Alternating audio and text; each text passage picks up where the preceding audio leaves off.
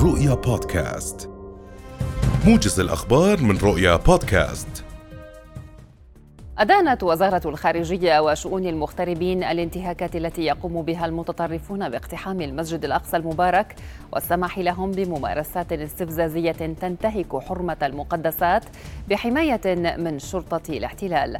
الناطق باسم الوزارة قال إن الاستمرار بفرض القيود على دخول المصلين إلى المسجد الأقصى المبارك هو خرق فاضح ومرفوض للقانون الدولي وللوضع التاريخي والقانوني القائم في القدس ومقدساتها، مؤكدا أن أن الانتهاكات والاعتداءات المتواصلة على المقدسات يمثل اتجاها خطيرا يجب وقفه فورا.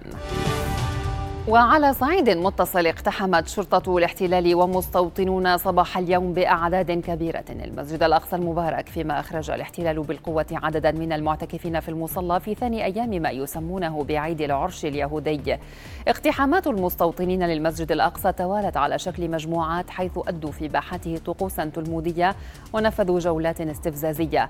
هذا وفرضت شرطة الاحتلال تجديدات على مداخل البلدة القديمة بالقدس وأزقتها ونصبت الحواجز العسكرية ورفعت حالة التأهب في المدينة المقدسة ومحيط الأقصى.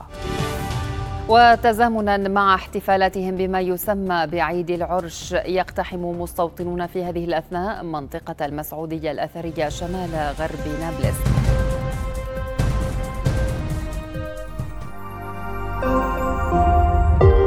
رؤيا بودكاست